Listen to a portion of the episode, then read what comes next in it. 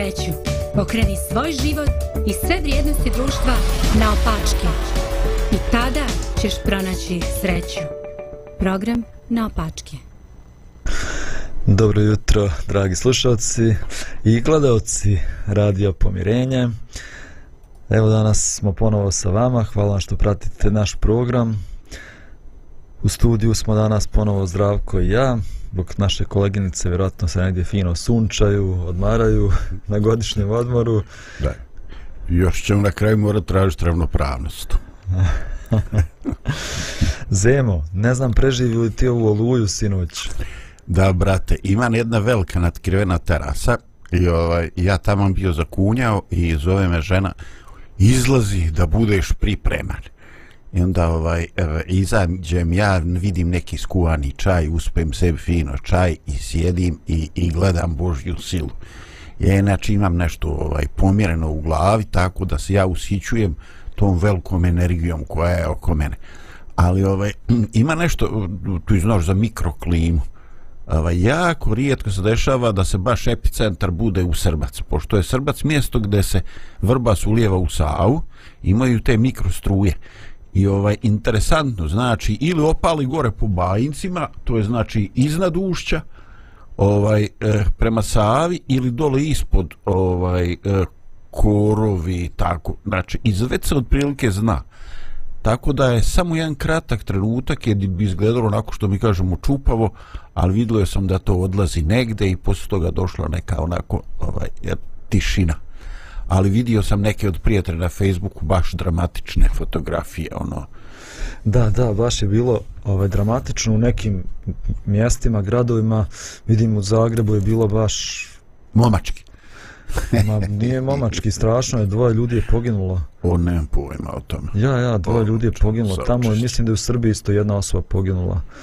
Ovaj, vidio sam neki kolega iz Šamca mi je poslao slike, isto i krovovi sletili s kuća, sa zgrada, A najsmješnija mi je bila poruka, uh, jedan moj prijatelj iz Hrvatske, on se bavi letenjem, kako se to zove, onaj zmaj? Ili? Uh -huh, uh -huh. Da, da, da, i tako on stalno stavlja te svoje vide kako on leti i stavi on sliku, a ono onako iznad njegovog mjesta crni, crni, teški neki oblaci, neki vjetar, ko će znati šta je to bilo, vihor, šta li je, i ono dole komentar, Jel smiješ da se usudiš da ovdje poletiš? čekali i dočekali.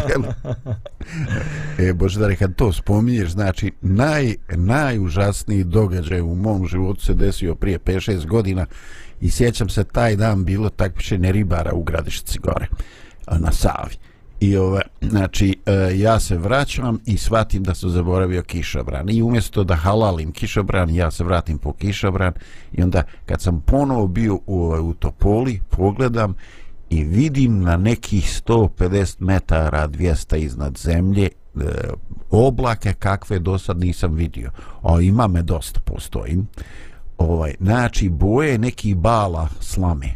Nešto, ne znam, nešto na brown Znači, to je jedna od situacija kad sam mislio ću doći živ kući. Znači, ne vidiš da skreneš sa ceste, ne smijem stati na cesti, naiće neki teški kamion zginješti me ko žabca. Znači, bukvalno i na kraju sam napokon stao po memori eh, na jednom zaustajalištu, a već je bila guma probijena od ovih grana koje je vjetar rušio. Ali stvarno se čovjek osjeti mali. ništa od onog junačkog srca krajiškog i to, ma ništa, sve se istopi, nema, nigde nema. Da, pa dobro, mogli bi mi nastaviti sada jednu cijelu emisiju napisati o tim neobičnim dešavanjima Napravili smo ti dobar uvod ovo i ovo. Da, da, da, da, uvod je dobar za temu. Danas govorimo o molitvi. Pa evo, kad se ovako neki dešavaju nepogode, kad je život u opasnosti, pa većina, možda i svi ljudi se mole vjerovali ili ne vjerovali u Boga, ali... Za svaki slučaj. za svaki slučaj. Kaže, Bože, dragi, 20 godina nisam dosađivo da me sad vadi iz ove gabule, evo, obećam, ni sljedeći 20 godina te neću znemiravati. da, ali eto ono što je meni iznenađujuće, što sam slušao mnoge priče i mnoga iskustva i primjere ljudi koji su se tako molili i molitva im bila uslišana. Dali Bogu šansu Šta misliš o tome? Pa što da ne? Što da ne? Ovaj, jer uh, men, uh, kako bih rekao, racionalni pristup kom ti vjeruješ i ne vjeruješ nema veze sa srcem, koliko si ti ovaj, pokvar. Znači, ako imaju dobro srce, Bog je njima i bio blizu, iako njega razumom nisu konsultovali. I sad ovo iskreno dijete Bože je zavaplo i Bog rekao nije problem, evo riješćemo. Mislim, meni to, ja s tim nemam problema. Meni to baš super. Problem bila koja čovjek mučak, razumiješ sada ono, pa i, i takvo ga Bog voli na način koji nama teško razumije. Jes, nemam nija ništa, nikakav problem s tim, ne, čak šta više, to mi čak govori nešto i o Bogu, da jedna od njegovih najčudnijih osobina, da je toliko ponizan da prihvata ljude koji ga traže u svojoj beznadežnosti, iako su ga ignorisali prije toga 20-50 godina. Dok je bilo sve nije imao primjedbe. da, da, da. I često su ovakve molitve početak duhovnog života za mnoge ljude. Ali definitivno ovakve molitve nisu dovoljne da održe duhovni život. Nažalost, mnogi od nas se mole samo kad nas natjera kriza ili neki problem, A u većini svog života oslanjamo se na svoju mudrost, na svoju snagu. Ali eto, kao što ti rekao, nekad se su, susretnemo sa silama gdje smo mi tako mali i tako bespomoćni. A, pa dobro, evo danas ćemo govoriti o tome kako molitva funkcioniše, da li molitva stvarno mijenja stvari, kako se moliti za promjenu života, ali ajde prije toga pustimo jednu muzičku tačku pa ćemo onda da uđemo u ovu temu. Mm, naravno.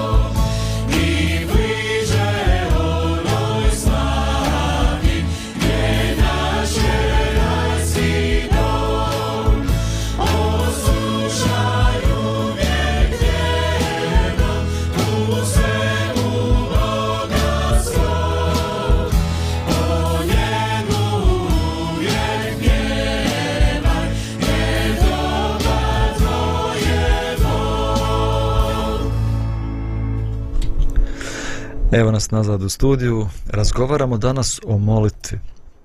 Da li je molitva nešto što stvarno funkcioniše? Da li molitva može nešto da promijeni u životu ili je to samo neka psihološka pomoć ljudima koji, koji vjeruju u Boga, ali koja stvarno nema, nema nekog efekta u životu? Evo nešto sam pronašao, nešto sam čitao u jednoj knjizi, pa evo da podijelim sa slušalcima i sa stovom zdravkom. Ne znam da, da li, da li ti je ovo poznato. Kaže da od 1980. godine objavljeno je više od 130 medicinskih studija o molitvi u poznatim medicinskim časopisima. Kaže da su mnoge od tih studija bile urađene pod strogo naučnom kontrolom. Jedan od najpoznatijih je uradio neki naučnik Randolph u Univerzitetu Kalifornijske medicinske škole. I kaže ovako, studija obuhvatala 393 koronarna srčana bolesnika koji su preživjeli srčani udar i imali teške simptome. Pacijenti kao ni osoblje nisu znali ko su pacijenti za koje se moli. Rezultati su bili toliko impresivni da su skoro sve glavne medijske kuće to objavile. U grupi za koje se neko molio, značajno manji broj ljudi je umrlo, manje su koristili snažne lijekove i ni jedan nije morao biti stavljen na one aparate za održavanje života. Onda dalje, eksperimenti su urađeni sa neljudskim formama života kao što su sjemenje, biljke i bakterije. I pokazalo se da je molitva imala efekta čak i na biljke, na bakterije, i na sjemenje. Udaljenost nije imala nikakvog utjecaja na efikasnost molitve. Molitva je bila podjednako efikasna za stvari na drugom kraju planete kao i za stvari u neposrednoj blizini. Bila je efikasna čak i kad je objekat molitve bio zatvoren u kontejnerima sa poklopcem u koje nisu dopirale nikakve forme fizičke energije. Ni talasi, ni čestice, niti bilo šta drugo. Šta kažeš za ove eksperimente? Ne, ne kažem ništa, onako ja sam, što kažu ovdje u narodu, bleno i slušam to, reko Bože, jel, jel, ovaj, jel, jel moguće, ovaj, e, pogotovo sa tim tvojim uvodom, da su to rad, radila ekipa koja baš nešto nije naročito zainteresovana da promoviše neke religiozne vrijednosti. Ali ovaj, iz toga što si ti čitao bi se baš mogli izvući neke onako ovaj, neki baš onako žestoki zaključci, možda čak na treni iznenađujući. Pa jeste, prosto je šokantno. Uh, šokantno je to što su to radili uh, medicinski univerziteti i što su ta istraživanja pokazala znači da molitva definitivno ima utjecaja na ozdravljenje ljudi. Da. Pa, Boždare, ne znam, ne znam koliko se to uklapa u tvoj uh, koncept u današnji tem, ovaj, ali, ali nekako bi se čini trenutak baš onako ovaj, bitnim. Uh, dakle, uh, ajde, u bogoslovlju, u teologiji je, uh, je poznat izraz magizam. Znači, to je jedan oblik svijesti uh, koji ide uh, zatim uh, da postoje određene forme, određene molitve, određene postupci koje kad ti činiš ti onda doprineseš, pomažeš ili odmažeš. I to je ovaj kako bi rekao uvertira za magiju. Ovaj iako se sam po sebi nije magija nego način smatranja života. I gotovo svi ozbiljni e, skolari, je li, e, bogoslovi će reći da to nema veze sa hrišćanstvom ali na onome nivou u narodu, u puku, ovaj, takav stil i takav način pristup je jako učestao. Zašto? Ljudi jednostavno, e sad kad se dešava to, to onda ovaj, tako se pomoli, pomoli obrat se tome svecu, on je znaš uža specializacija za te probleme i tako. Dakle, eh, ja stvarno, eh, eto, ne vjerujem ovaj e, u molitvu radi toga što sam ja u pravom trenutku rekao neke propisane prave riječi. Ali ja ovaj molitvu definitivno doživljavam kao komunikaciju između Boga koji je spreman da nas čuje i nekog najdubljeg, najsofisticiranijeg e, dijela našega bića koji e, komunicira na nekim frekvencijama koje su nama nepoznate. I ovaj i u kao u svakom dijalogu ovaj ti možeš reći e, druga strana će čuti ali će ona odlučiti hoće li ući u dijalog e, da li će ti kao i kod nas ljudi da li će ti odgovoriti da li će prećutati da li će ti samo pružiti ono što tražiš bez jedne riječi ili ili će tu biti neki dublji ovaj dublji dijalog. Dakle ja definitivno definitivno vjerujem da to nije magijsko djelovanje, ti si govorio o ljudima koji su daleko na biljke, ovaj, nego jednostavno, ovaj, kako ono ima u elektrotehnici, reci čovjek svojom molitvom postaje transponder, prenosnik, e, imaju ove, kako se sad zovu, mobilne ove eh, e, sp, eh, antene, ovaj, znači čovjek postaje e, na neki način prenosnik i učesnik u širenju Božje blagodati.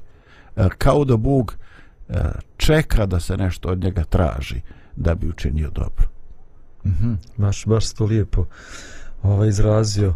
Um, pa dobro, ovdje da govorimo o nekom prvom levelu, aj tako da ga nazovem. Ovdje, o, sad ja ne sjećam se, davno sam čitao ovu knjigu, ne sjećam se tačno ko su bili, ali ovdje se ni opisuju, uopšte nisu, nije ni bitno ko su ovi ljudi koji su se molili, znači oni su bili potpuno nepoznati ljudi, ovima koji su bili pacijenti pacijenti nisu ni znali da se za njih neko moli. Ovi su bili ljudi koji su se molili, vjerovali su, znači, nisu bili pripadnici jedne vjere, jedne religije, jedne crkve, nego svako se molio onako kako je on znao. I da je to opet imalo tako zapanjujuće rezultate. Ja, pogledaj, kaže, čak ni medicinsko osoblje nije znalo koje su osobe u eksperimentu. Da, da, ni Oni su samo ni bili zaduženi da sve simptome, pojave, e, promjene pritiska, subjektivne osjećaje, da sve to bilježe. Svaki dati lijek, svaka subjektivni osjećaj, svako traženje pomoći, svako dodirivanje onog bolničkog zvoncata. Znači oni su sve ovaj bilježili, a tek je neko ko se bavi tom analitikom, statistikom, ovaj opet sjeo i rekao šta ja znam pacijent je ovaj svi vjerovatno ni on ne zna za koga se moli i tek na nekom trećem nivou dolazi osoba koja e, gleda da vidi da li postoji razlika između pacijenata pod brojevima koje, za koje se ljudi mole ili za one za koji ne. Meni je to fascinantno. Mislim, ono, ja jednostavno ne znam šta da kažem jer bojim se sve što da kažem sve što kažem neki način profanisat ću, pokvarit ću. da. Ove, dobro, znači definitivno molitva mijenja stvari. Sad kad bismo razmišljali o svemu tome, pa koliko bi onda trebalo mi više, barem mi koji vjerujemo, da se molimo za ljude u bolnicama, za pacijente, za ove na, na onkologiji pacijente i tako dalje. Ali opet smatram da to nije primarna svrha molitve. Primarna svrha molitve nije da mijenja stvari, nego da mijenja mene. Pa o tome ćemo govoriti isto, ali evo prije toga hoću da ispričam. Juče sam malo u emisiji započeo tu temu, ali sad hoću malo detaljnije da to opišem. Kako sam ja počeo da se molim? Znači ja sam počeo čitajući ovakve knjige. Znači ja sam počeo da se molim jer sam smatrao da stvarno molitva može da djeluje u životima ljudi i u mom životu. I tako sam svako jutro ustajao i molio se. I dosta sam vremena ja provodio nabrajajući potrebe drugih ljudi, svoje potrebe. I dešavalo su se bukvalno čuda. Ja ispričat ću nekoliko primjera, pa ti možda možeš neke svoje primjere da ispričaš. A, jedan moj rođak bio u vrijeme kad sam ja ga zadnji put vidio, on je bio student medicine i organizovao je tako predavanja razna zdravstvena, kreacionistička, dolaze su neki profesori iz Beograda, držali su predavanja i on je meni rekao ja bi tako volio da ja držim predavanja. I sad vidi ovo zemo, ja sam u Americi, on u Banja Luci. Ja nemam nikakvog kontakta s njim, nije tad bio baš neki brzni internet. Imao sam email adresu, ali ne sjećam se baš da je to nešto funkcionisalo. Nemam kontakta s njim i ja se počnem moliti za njega svako jutro. Bože, blagoslov mog rođaka Branislava. Pomoz mu, otvor mu vrata da on drži predavanja. E to mi je tako palo na pamet i ja molim se svaki dan za to. Poslije godinu dana dolazim u Banja Luku, srećem se s njim, ne stižem ni da ga pitam ni kako je, on počne da priča i kaže nećeš vjerovati šta se dešava u mom životu, kaže, to su nevjerovatne stvari. Kaže, držao sam predavanja u uh, Banja Luci, u Tuzli, u Mostaru, u Sarajevu. Ne samo što sam držao predavanja, nego sam imao obezbijeđen hotel uh, gdje da spavam, plaćene putne troškove i ne samo to, nego su me pozvali sa BH televizije da držim predavanja na BH televiziji. Ja ništa mu nisam rekao, ali u sebi kažem, Bože, slava tebi gospodine. Slava tebi, hvala tebi, ovo je stvarno nevjerovatno. I takvih dešavanja puno mi bilo. Jedan dan nešto dobijem neko osvjedočenje, trebam da se molim za moju sestru. Ne znam ni zašto. Ja kleknem na koljena i pomolim se za nju i kažem Bože što god da se dešava u njenom životu ti je zaštiti, budi s njom. Kasnije tog dana zove me moja sestra i kaže nećeš vjera šta se dogodilo. Kaže vozim ja auto u Hrvatskoj na autoputu i jedna prijateljica sa mnom u autu. I oluja, baš ko smo pričali mi danas, mm -hmm. oluja strašna se dešava i grana drveta se odlomila. Ja vozim na autoputu, velika je brzina i grana se zabija u našu šajbu, prolazi između mene i ove moje prijateljice i zabija se u sjedište pozadi. I kaže, mi gledamo jedna u drugu i ne okrznute, ni ona, ni ja. ja pitam kad je to bilo i bilo baš u vrijeme kad sam se ja molio za nju i kad sam ja bio svjedočan treba da se molim za nju. Znači, opet neobično, prosto nevjerovatno nešto. Pa onda mnoge takve stvari i to sve mene motiviše da ja sve više se molim i da, da ulažem više napora u molitvu, više vremena. Tad kad sam bio u Americi, hoću da kupim neki set biblijskih komentara. To su znači 20 i nešto knjiga ovako od debelih koje koštaju 2000 dolara. I ja nemam para to da kupim. I obilazim tako razne prodaje, sniženja, nemam para.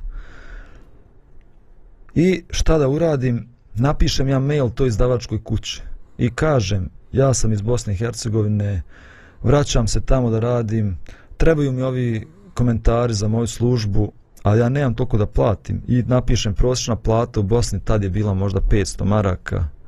Uh -huh. Uh -huh. Ovaj, I kažem, ako vi možete da mi date po nekom sniženju te komentare ili ako možete da mi date oštećene kopije, jer često je to bilo znači malo zarezan, pokidana neka stranica, ja sam spreman da vam platim 500 dolara. I ja, prije nego što pošljem taj mail, pomolim se Bogu i kažem, Bože, ti dotakni osobu koja će ovo da čita i kliknem na dugme i pošaljem e-mail. Sljedećeg dana zove me žena iz te izdavačke kuće, a to ogromna izdavačka kuća u Michiganu, tamo Zondervan se zove. Kaže, naš direktor je pročito vaš mail i odlučio da vam pokloni cijeli ovaj set besplatno. I za par dana stiže meni pošta i donosi mi dvije kutije ti komentara besplatno. I tako mnoge stvari. Natašin otac invalid bio, treba mu skuter. Ona pošalje neki mail, zakači ga na internet, gdje li ima neko da donira skuter? Javi se čovjek, kaže, moj otac je umro, imam skuter, nov, skoro nije ni korišten, evo ja vam poklanjam skuter. I mnoge takve stvari se dešavale u mom životu. I juče sam pričao i tako odjednom sve se to prekine. Ja i dalje ustajem, molim se, nema odgovora. Ni u mom životu, ni u životu drugih ljudi. Jedan mjesec, drugi mjesec, pola godine. Ja obeshrabren, razočaran, ljut na Boga. Prestane mi da se molim. Koja svrha? Uopšte. Ja se molim, a ti ne odgovaraš. Ali bila je neka svrha. Bila je. Dobro. Ovaj, uh, čini mi se da postoji neka zakonitost kod ljudi koji, koji se sjećaju tih nekih markantnih, briljantnih detalja, a nekako na, na nekom spisku vrednovanja tih situacija ovaj, nekako čini mi se pri vrhu su oni koje su uticale e, na nas zato što se dešavale na početku nekog našeg vjerskog iskustva. Znači, ovaj, desilo se i to je bila neka prelomna tačka, to je bio što ti kažeš neki level iz kog smo prešli iz nekog nižeg u neki viši nivo. Ovaj, E, naravno, postoje mnoge situacije, ali evo, evo ja ću, pošto si ti to ponudio, možda si ti povukao ponudu, ali džaba, jesu ne može sa mnom tako, ponudio se, sad ja pričam. Ovaj, e, sjećam se, znači, srednjoškolac i odmah da kažem vas da sam bio onako, ono, nisam bio nikakvi mentalni problema, emotivnih, ono, bio sam ono što bi rekli liči na normalnog, je tako? I ovaj, eh, jedno veče, znači, stanuli smo jedno selo ovaj, eh, od nekih 6-7 km od Prijedora i ovaj, naveče čitam neku knjigu i sjetim se svog prijatelja, jel, koji je išao u gimnaziju, ali kojim sam se često sretao, šetao, pričali tem, tim duhovnim temama, obojica čitali sve tog pisma i sjetim se tog prijatelja i krenu mi suze. A ja onako, ono, znaš, krajiški debola, šta ti je ono? I odgurnem te misli i ovaj nastavim čitati nikom ništa. I vjerojatno bi ja to zaboravio da se to desilo da se to nije desilo i sutra na večer i sutra na večer opet i kreću suze. Ej ovo je sad gubi sportski karakter ovo je nešto nije u redu. I ja ustajem i kaže majice o, ja moram ići u prijedor. O, šta sada? Šest sati na večer ovaj, e, moram naći imam neke neku informaciju, nešto imam, moram naći jednog svog prijatelja, ovo je ono, i ovaj, sjednem na taj neki autobus, jel, prigradski, i odem, odem do njegove kuće, i izađe otac, to je neki bio stan na željezničkoj stanici, kaže, otišao negde u grad, i sad ja idem i pratim te e, trase, znam od prilike prijedorski e, ovaj, korso gdje se šeta, Eh, Berek, to je šetarište za mlade, onda jedna ulica gdje nećeš da susretneš one koji idu u suprotnom pravcu i tako. Znam taj neki krug gdje bi ga mogao naći. I ovaj, hodam, ja i tražim čovjek kad sam već došao. I nađem ga s nekom dvojicom mladića i odmah u prvom trenutku mi se nekako ovaj, ti likovi ne dopadnu. Ovaj, slušam ja, ono, znaš, to je ono, psovke, ha, ha, ja bija pijan, ja, ono, i ovaj nekako ja smislim nešto slažem naravno i ovaj da ga izvučem iz te grupe kao e trebali bi otići tamo gdje smo pričali ovo i ono ajde odvojim ga ja i ovaj uđem u tu manje prometnu ulicu. Ovaj kaže ti to namjerno? Rekao naravno da sam namjerno više rekao da su dosadni. I ovaj i čovjek počinje da priča. Ovaj drama ja se više ne znam koje on sve razloge ima a on je te večer imao ozbiljne suicidne ideje. Mislio da se ubije. Ovo, ja njega slušam i zapanjen. Bože, je li moguće da sme? Zvao da dođem ali pita me njega pa kad ste te ideje došle? Pa kaže juče ja opet mi se ono zlo ne mogu doći sebi. Ljudi ja nemam ni 18 godina mislim ono te sad Bog mene je zvao da pomažem.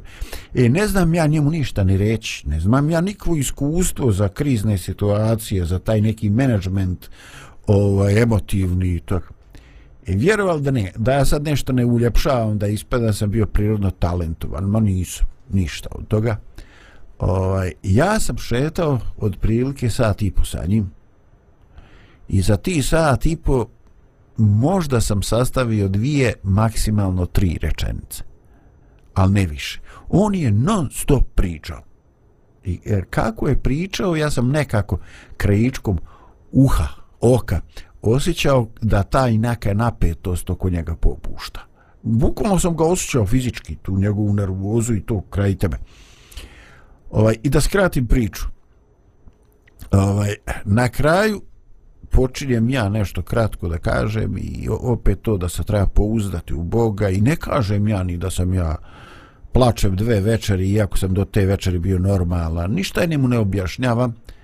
Ovaj, uglavnom, e, približava se taj termin moga autobusa koji moram hvatati za povratak i da blizu je tamo železnička i autobuska stanica i sjećam se slike e, velika hrpa onih e, kako se zove, mislim to zvali š, e, pragovi, šveljeri ili kako se to zove one, ono što na pruzi one četvrtaste oni grede, znaš. Mm -hmm. o, i to je jedna ogromna gomila što je neki šta znam dva i po metra visine. Ovako i taman tu jedna sjenka gore svjetlo i mi smo stali u sjenci i onda ćemo se obojica pomoliti Bogu Znači, situacija je riješena. Čovjek se je vratio u normalu. Ne znam ja ni šta se on molio, ni šta sam se ja molio. To su dva mladića. I, ovaj, i pozdravimo se i ja krenem. I nakon ovaj, desetak, 15 metara dobijem poriju da se okrenem. I ja se okrenem, a on onako le, e, lagano, onako skakuće s noge na noga, ide znači kuće, radost. Aj, I samo da vam kažem, nisam tog čovjeka vidio više od 25, skoro 30 godina. I prošle godine sam ga potražio ovaj, i našao sam ga i on kaže, jes to ti? Rekao, jesam. E stvarno moram se početi pripremati za sudnji dan. Kad poslije 30 godina I on kaže da me jednom sreo u grad, ali mi se nije javio jer nije bio siguran da li sam ja još zainteresovan za druženje i za kontakt. I tako, obnovili smo, ovaj, obnovili smo kontakt, ponovo se sve na vrijeme ovaj, čujemo na Facebooku, a ponekad kad sam ja u Prijedoru i obićem ga. Hm, wow, nevjerovatno. Baš, baš, baš nevjerovatno. Ali zašto je najvažnije? Nema tu mene nigdje. Razumiješ? Znači, nema tu sad ono, znaš, uspavane energije, ovo i ono, ja njemu objasnio, ja se sjetio stiha iz tetog pi. Mo ništa ja njemu objasnio nisam. Nikakav ja stih, da li sam šta rekao, da li nisam. Nema tu mene nigdje. I za, to je e, veličina toga iskustva, pamtim ga, znači pamtim ga ha, preko 40 godina. Zašto? To je bila čista Božja sila. Meni je samo data bila ta radost da tome prisustujem. Ono, e, ne, jedno mi je nekad rekao, čovjek je najsretniji kad je kao onaj magarac na kojem su u, u, u, Jerusalim. Kad nema ja, kad nema ega, kad nema nešto što nas kao potvrđuje. Ne možeš ti tu ništa da, eto mene, eto moj udjel u svemu. Nema mog udjela, ništa. Ali je rado zatrene okrnja. jer sve to što je naš udjel, to je ono što uprska stvar na kraju. da, da, ti si već ispomenuo na početku da smo mi samo posrednici, da smo samo spone koje Bog koristi da pokazuje svoju ljubav i svoju blagodat ljudima. Pa evo, mogli bismo sad još puno o tome pričati, ali bit će prilike možda i nekim drugim emisijama. Napravit ćemo malu pauzu, a onda ćemo govoriti o onoj drugoj vrsti molitve. Ne samo da je Bog zainteresovan da preko nas djeluje u životima drugih ljudi, već je Bog zainteresovan da djeluje u našem životu u smislu da nas mijenja, da nas oblikuje, da nas transformiše. Kako se moliti za jednu takvu promjenu, za jednu takvu transformaciju, to ćemo govoriti nakon pauze. Ajde, ja sam već znati željan.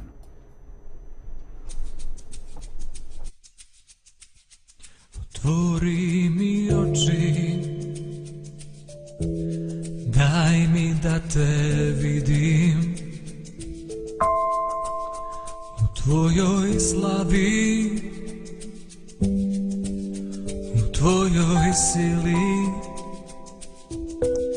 Dotakni mi srce Daj mi da te još više želim Još više tražim. Još više volim. Otvori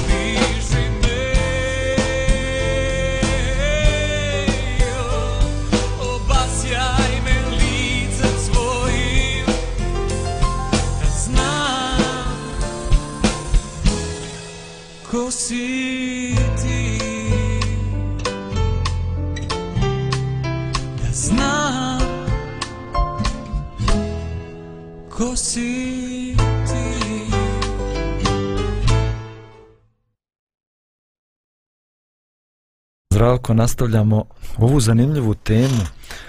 Pa, vjerujem da svaki, svaka osoba koja vjeruje u Boga i mo, mogla bi da priča ovakve priče kao što ti ja pričamo i mnogo takvih priča. Imam jednu emisiju koju sam snimio na studiju Reset o jednom ovako čudnovatom, čudotvornom izlječenju jedne osobe koja je bolovala od raka i metastaza raka. Možete da pogledate.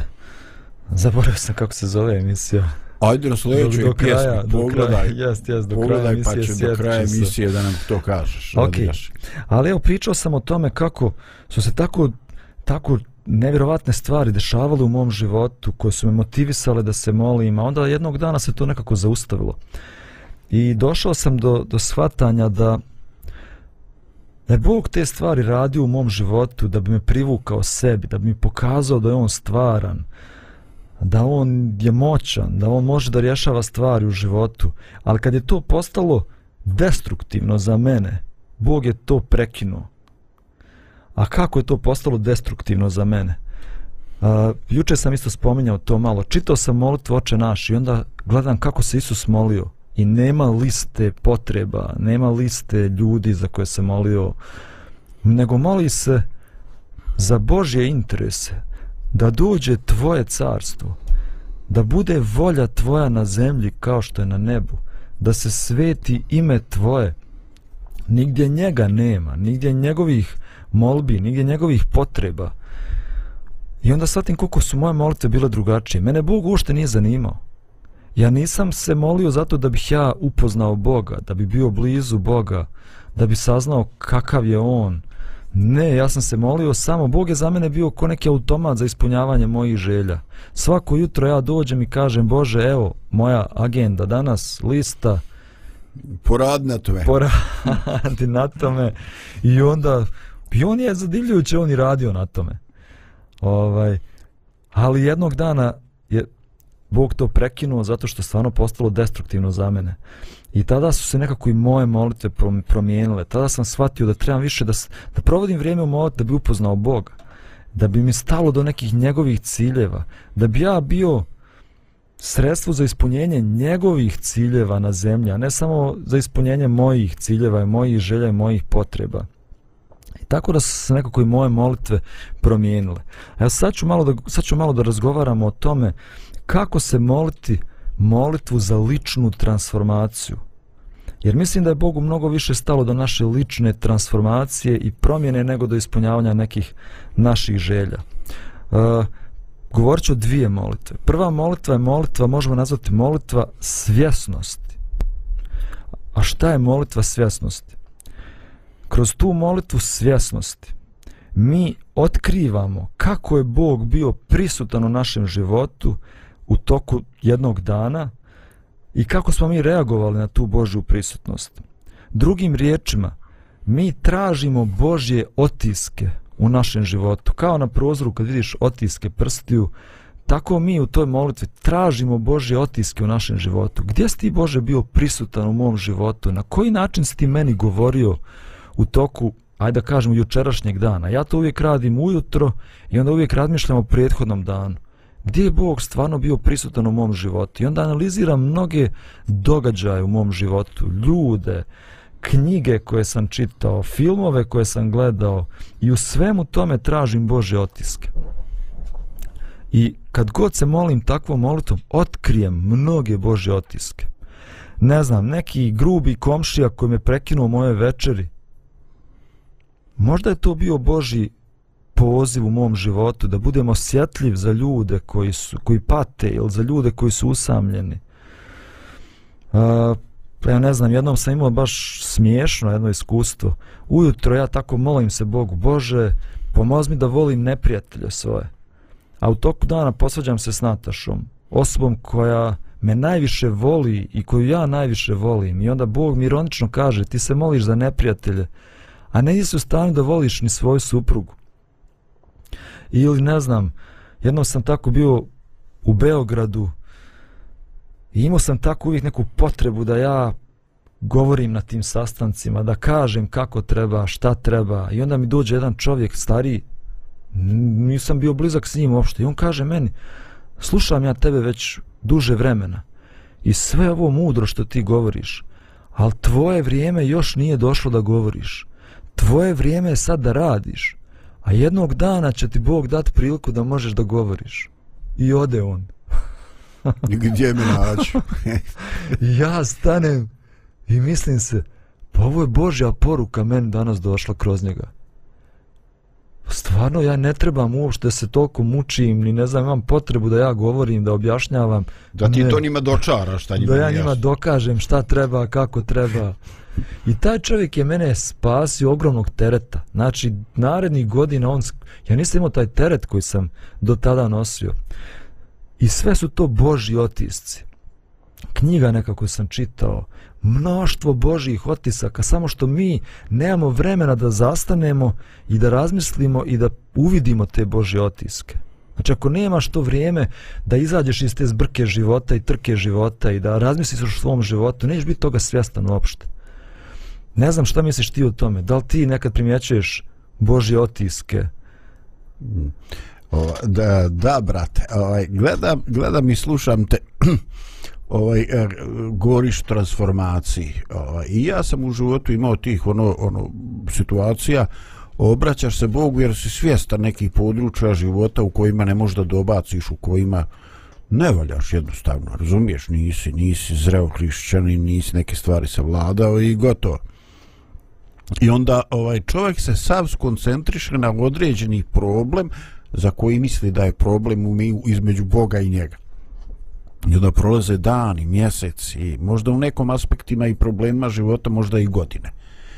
Ovaj, ti se pitaš, Bože, ti neke stvari su u životu rješavao onako, ono, na, na pucke tanje prstima. Što je? Jer ja nisam se dovoljno iskreno predao i čim to kažem u sebi imam pobunu. Kako nisam, pa znam čoveče, ono, obraćao se, molio, plakao pred Bogom, sad ću ja sam sebe ubeđivati da nije iskreno. Pa šta je onda? Pa što me nisi uslišio? Uh, Božidare, Došao sam do zaključka, ovaj, malo je to nekonvencionalan zaključak, možda i neću ovaj, e, oduševiti puno ljude koji, koji su tradicionalni hrišćani. Ali ovaj, došao sam do zaključka uh, E, da sam ja vjerovatno mnogo ranije ispunio uslove za transformaciju. A, ovaj, a, I sad će to možda ljudima šu, e, su, možda malo zvučiti sablazno ali ovaj Bog je našao za shodno da me ne učini slobodnim od nekog problema. Jer taj problem je mene e, redovno i postojano vraćao pred Božji prijesto. Da je to sklonjeno. Da sam ja mogu, e, ja baje, ja pobjedio. Pitanje koliko bi se ja molio Bog uopšte. Jer e, mi imamo sklonost da se skoncentrišemo ovaj, e, na nešto, da imamo stvari koje nas na neki način unižavaju, koje smo mi identifikovali kao grijeh, nešto što smeta našemu egu, našemu ponosu i mi se baš želimo to riješiti, jer da dođemo mi na sljedeći level da bi budemo bolji, plemeniti i moralni, šta sve ne. Ali ovaj Bogu čak ni naš grijeh nije problem, e, najveći problem je kad mi ne marimo i ne tražimo ga. -hmm. ovaj, tako da jednostavno posle određenog broja godina sam shvatio kad se taj problem riješio onda sam povjerovao da je to ranije bili uslovi ispunjeni ali da me na taj način Bog čuvao da ostanem u kontaktu ovaj, e, sa njim jer jednom si ti govorio o progresivnosti istine ovaj, ja definitivno mislim da e, Bog je, se isto tako ponaša kad se ra, radi o tome da nam otkriva naše nedostatke Jer kad bi Bog nama otkrio šta u nama ne valja sa stanovišta nebesa i nebeske čistote, vjerojatno bi izgubili volju da živimo. Onda on ovaj nešto nam pokaže, Na, a mi očito dijelimo grijehe na one koji su nama nepodnošljivi, koji nas unižavaju i sa one s kojima održavamo ono ovaj e, dobro susjedske odnose. Znači, ovaj, iako to možda ne odgovara stvarnosti, ali očito da mi, da mi to radimo a da to nije ključno pitanje. Ok, da, slažem se s tobom. E, iako Bog želi da mi napredujemo, Bog ponekad ne uklanja neke stvari iz našeg života zato što nas te stvari drže za njega, ali također nas i čine poniznim. Da, znaš da nisi baja, da nisi yes, neka faca yes. i nekako ti ovaj, onda možda manje i sudiš i druge ljude, razumiješ, jer sam se suočavaš sa porazima, sa određenom nesposobnošću. Malo razumiješ, razumiješ. ljude, poistovjetiš se sa drugim ljudima u njihovim se cipelama. Ovaj, ali ono što sam ja prvo ovdje htio da govorim, to mi je ova druga molitva koju sti, o kojoj ti sad govore. Ona prva je nevezana za naše molitve, za naše slabosti, već tu gledamo Božju prisutnost u našem životu Iako mi to nismo ni tražili uopšte. A jedan dan smo govorili o Božoj blagodati, baš ovaj pisac Scott Peck govori kako Božja blagodat se šalje i prisutna u životu svakog čovjeka i dodiruje svakog čovjeka, samo nekad nismo toga svjesni uopšte, ali jedan razgovor sa čovjekom, otvorena vrata negdje, žena u prodavnici koja mi se nasmiješila ili u banci ili ne znam nija gdje, sve su to neki Božji otisci, e, način na koji Bog radi i djeluje u mom životu i, i prisutan je u mom životu. Znači u toj nekoj molitvi svjesnosti, kako sam je nazvao, tražimo Božje otiske, razmišljamo o tome. Nije loše, malo ćemo govoriti o tome kasnije, da i zapišemo sve te stvari mm -hmm. u neki molitveni dnevnik ili tako dalje. Jer kad jednog dana otvoriš sve to, onda primijetiš kako je Bog bio prisutan na svakoj stranici tvog života. Ok, ali druga molitva je molitva svijesti, tako je ja zovem, a to je baš ovo što si ti govorio. I hoću da pročitam jedan, jedan stih iz Biblije koji kaže, psalmista David govori i kaže ovako, moli se i kaže, okušaj me Bože, poznaj srce moje, ispitaj me i poznaj pomisli moje i vidi jesam li na zlu putu i vodi me na put vječni. Kako je ovo baš moćna molitva. On traži od Boga da Bog ispita njegovo srce, da vidi da mu pokaže da li je na, on na Božijem putu ili je na nekom zlom putu i ona traži od Boga da ga on vodi na taj njegov put i da ga vodi na taj put vječni. Kad god se molimo ovakvu molitvu, Bog uvijek odgovara na nju, ali kao što se rekao, Bog je nježan kad to radi. Ne otkriva nam našu cijelu sliku i sve naše slabosti i pokvarenosti, nego nam otkrije pomalo. I onda zajedno s nama radi na tome i radi na promjeni našeg srca. Evo vjerujem da kad se molimo ovakvu molitvu da Bog sigurno će nam ukazati na naše slabosti, da će nam snage da popravljamo te slabosti u našem životu. Hajde napravimo malu pauzu pa ćemo onda opet da, da nastavimo i da finiširamo ovu temu. Nadamo se.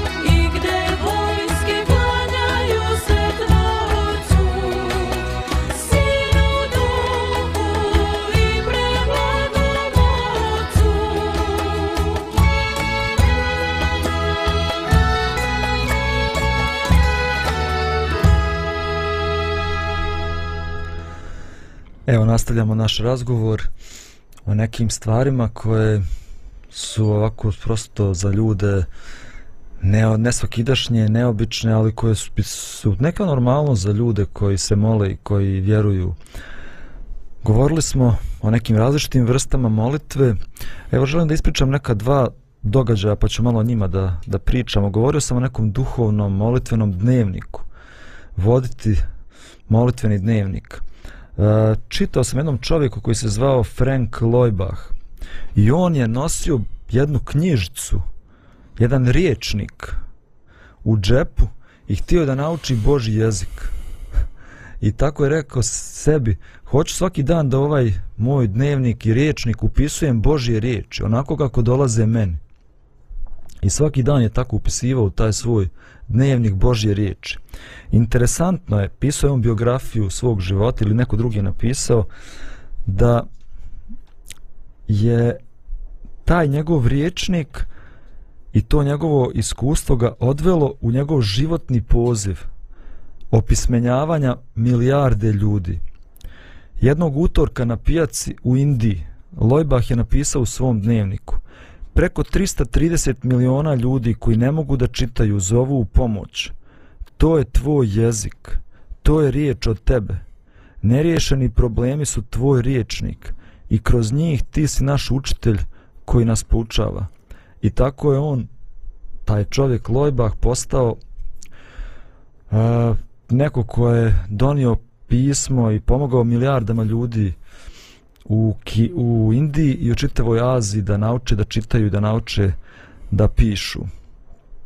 Šta misliš o ovoj ideji? Nosiš, nosiš knjigu, knjižicu svesku jednu i upisuješ Božje riječi svakog dana. Ta ideja je super i ideja ni taj molitveni dnevnik i ovaj sve te situacije kad, kad u čovjeku je bilo ono slava ti Bože ovaj, ali ne znam kod tebe ali ja imam osjećaj da nekako ljudi ovaj u nekim mračnim periodima života su skloni da potistu duboko u podsvijest ovaj ta neka pozitivna iskustva. Znači kad se namrači mi smo skloni da to zaboravimo. Možda bi stvarno dobro došla ta neka sveska digitalna ili ili ili ili fizička da se čovjek sjeti onog uduševljenja i oni događaja koliko god men to liči na dječija spomenare, ali ovaj, možda bi stvarno imalo efekta. pa ja sigurno. Ja sam u nekim periodima svog života pisao taj dnevnik. Imam dvije debele sveske. Sad zadnjih par godina ne vodim taj dnevnik, ali mogu reći kad god upadnem u neku krizu, depresiju i sjetim se tog dnevnika i počnem da listam i onda vidim kako je Bog uslišio moju molitvu, kako je Bog bio prisutan u mom životu, kako je čudo Bog učinio, prosto te to ohrabri i za sadašnjost, ako je Bog takav, tako radi u prošlosti, pa zašto se ja sumnjam u budućnost, zašto ne vjerujem da će tako se dogoditi i danas i sutra i svakog dana u mom životu.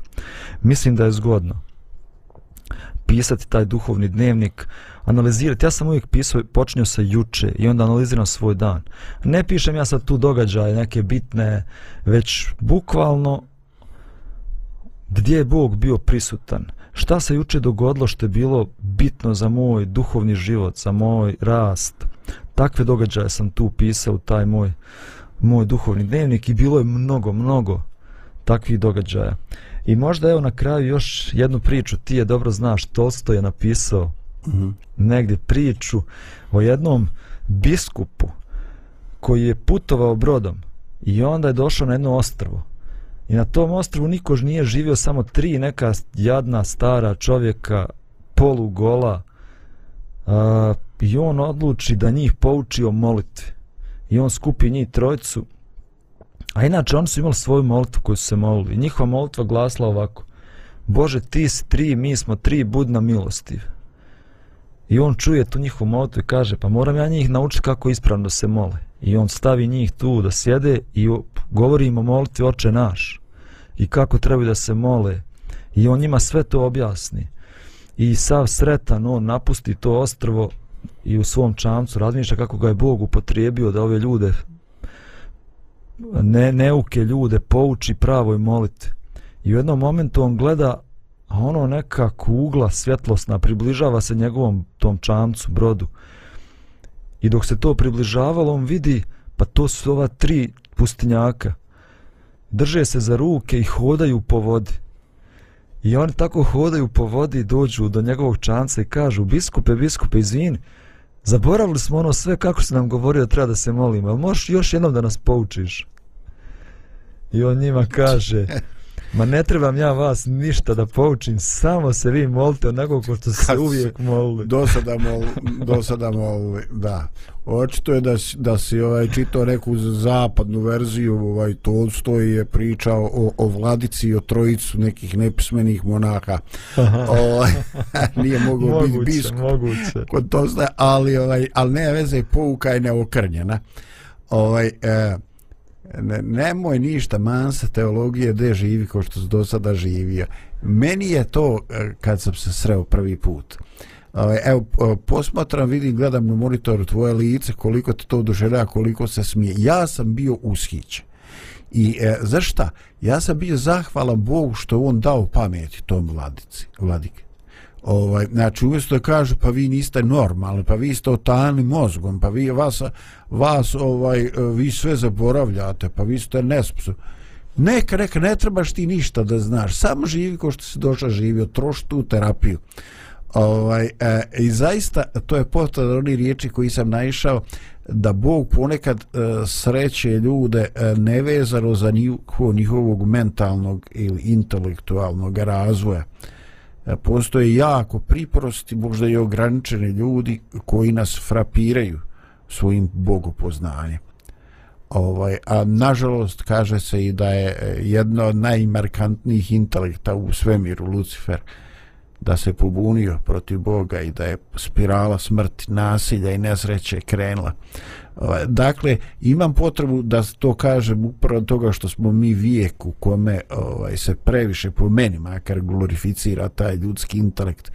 On je Boži dar koji je dobro došao, koji je super, koji treba da bude, koji treba razvijati, ali za ono suštinsko, za približavanje ili odaljavanje Boga, eh, nije uvijek to prednost. Da mhm. neka pamet, pogotovo kad je umišljena. Da, slažem se s tobom.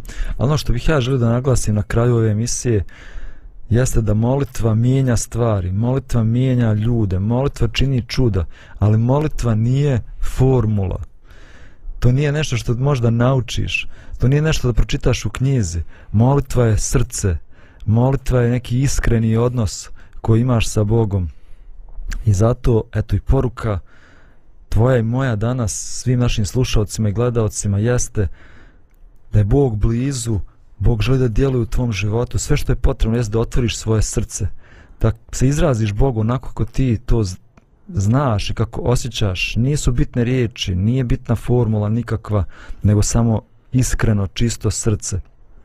I vidjet ćeš kako Bog djeluje i radi u tvom životu i u životu ljudi za koje se ti moliš. Eto, neka ova poruka bude nešto ohrabrujuće i neka poruka nade za vas u toku današnjeg dana. Slušamo se ponovo i gledamo sutra. Lijep pozdrav. Hvala ti Boždare, evo danas, danas je očito bilo ovo malo iznad uobičajenih standarda. Svako dobro pozdrav i od mene.